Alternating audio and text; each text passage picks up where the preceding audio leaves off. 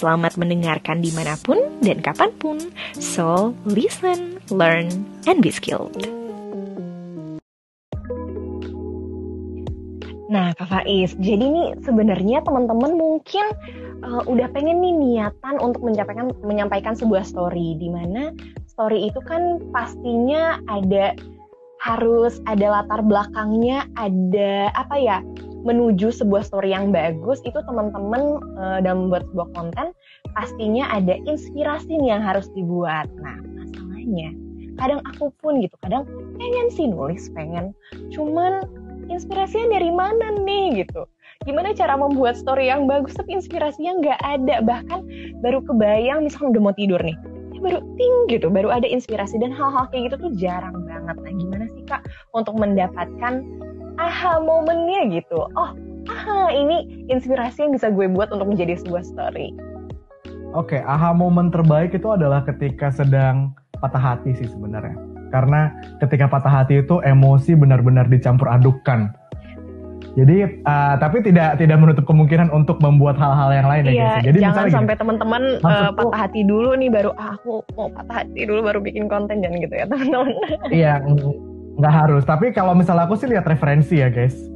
Kalian harus surround yourself dengan orang-orang yang lebih baik daripada kalian. Itulah cara kalian buat uh, rising up gitu. Itulah cara kalian untuk lebih leveling up yourself. Sama halnya dengan konten. Hmm. kalian harus nonton konten-konten yang menurut kalian bagus. Nah balik lagi. Ini sebenarnya adalah kunci ya. Kuncinya adalah taste. Taste kalian kayak gimana? Taste kalian itu nonton uh, review rumah 500 miliar atau tes kalian itu kayak ya nonton short film yang award winning kayak gitu.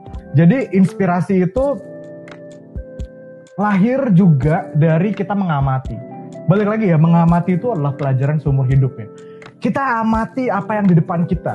Misalnya di depan aku sedang ada jendela dan aku memberi makan uh, burung gagak pakai bekas popcorn yang gosong hmm. gitu. Terus kita mengamati bagaimana burung gagaknya makan, hmm. bagaimana insting mereka terhadap manusia. Terus kalau misalnya mau ke teknikal ya, uh, burung gagak itu warnanya seperti apa, sehitam apa. Add shadow-nya kalau kita mau tambahin, shadow-nya plus 2 apa minus 4 Waduh, gitu. Kalau di Fuji iya. film misalnya. Terus abis itu, ini kita ada jendela. Jendela ini memantulkan cahaya. Cahaya jatuhnya di mana? Cahaya jatuhnya di mana jam berapa? Terus ada bayangannya di mana saja. Jadi banyak banget hal yang uh, bisa kita amati. Dan ini tidak tidak tidak sebatas dari cahaya ya. Bisa emosi bisa uh, human behavior.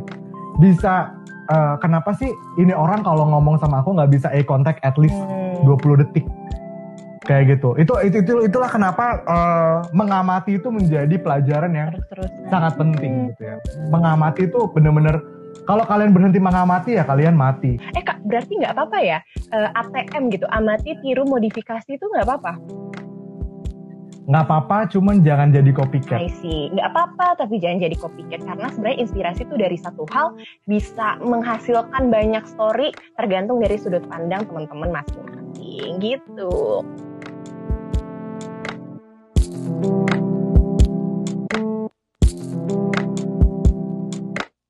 Listen, learn, and be skilled.